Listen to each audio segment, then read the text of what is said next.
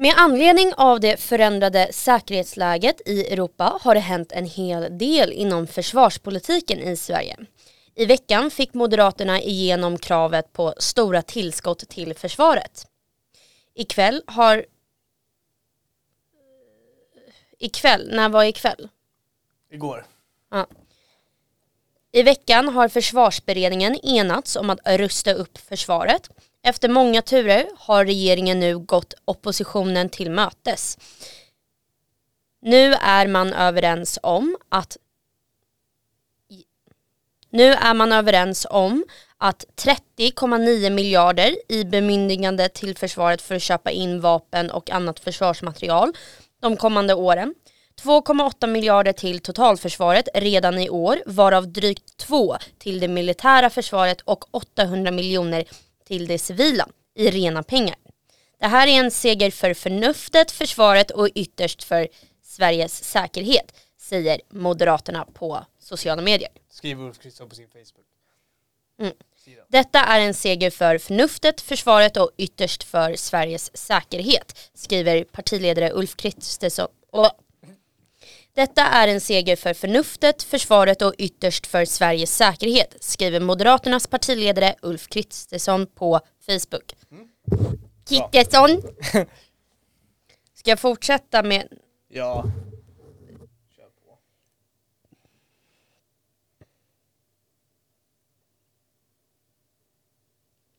En annan fråga som också blomstrat upp under den senaste tiden är NATO-frågan som fler och fler svenskar vill bli medlemmar i för att kunna omfattas av försvarsgarantin.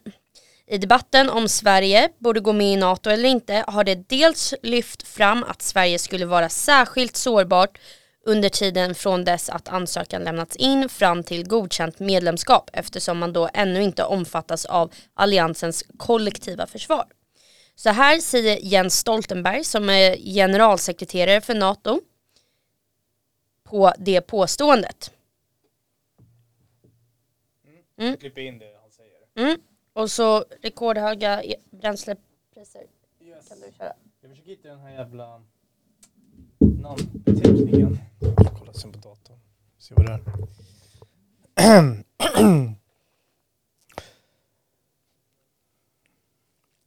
Under den senaste tiden har de rekordhöga bränslepriserna diskuterats en hel del bland annat till följd av den ryska invasionen av Ukraina. Tidigare i veckan presenterade regeringen ett stödpaket där det ingick att skatten på bensin och diesel skulle sänkas till EUs lägsta nivå mellan juni och oktober. Mellan juni och oktober.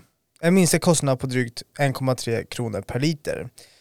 Till det ska också tilläggas att sänkningen med 50 öre som tidigare presenterats. Men oppositionen var absolut inte nöjd där.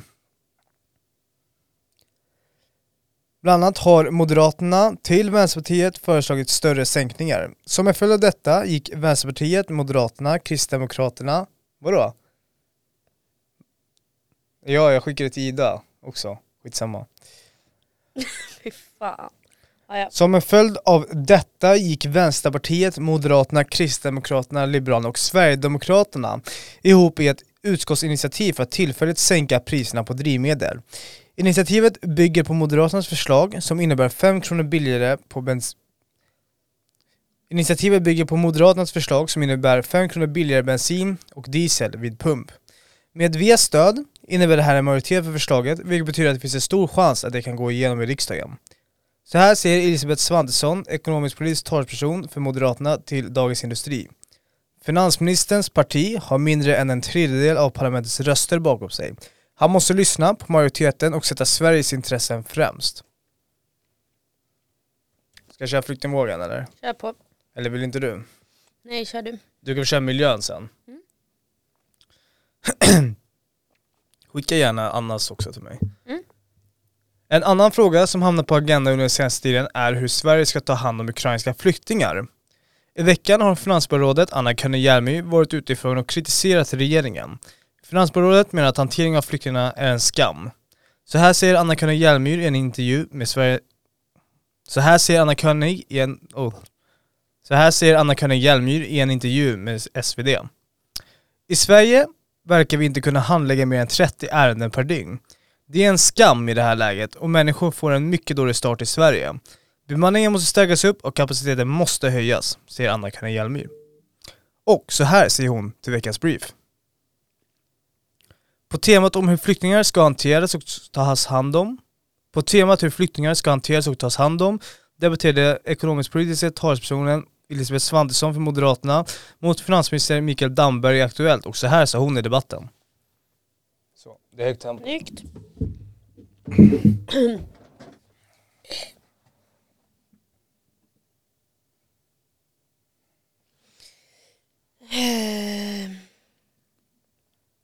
I veckan släppte Klimatpolitiska rådet sin rapport och regeringens klimatpolitik fick underkänt än en gång. Så här säger Moderaternas miljö och klimatpolitiska talesperson så här säger Moderaternas miljö och klimatpolitiska talesperson Jessica Rosenkrantz om regeringens underkända miljö och klimatpolitik. Det är en rejäl sågning som regeringen får av sitt eget expertråd. Just nu bedriver man en politik som inte minskar utsläppen utan bara höjer kostnader för familjer och företag runt om i landet. Istället borde man ta tag i de stora avgörande frågorna för omställningen.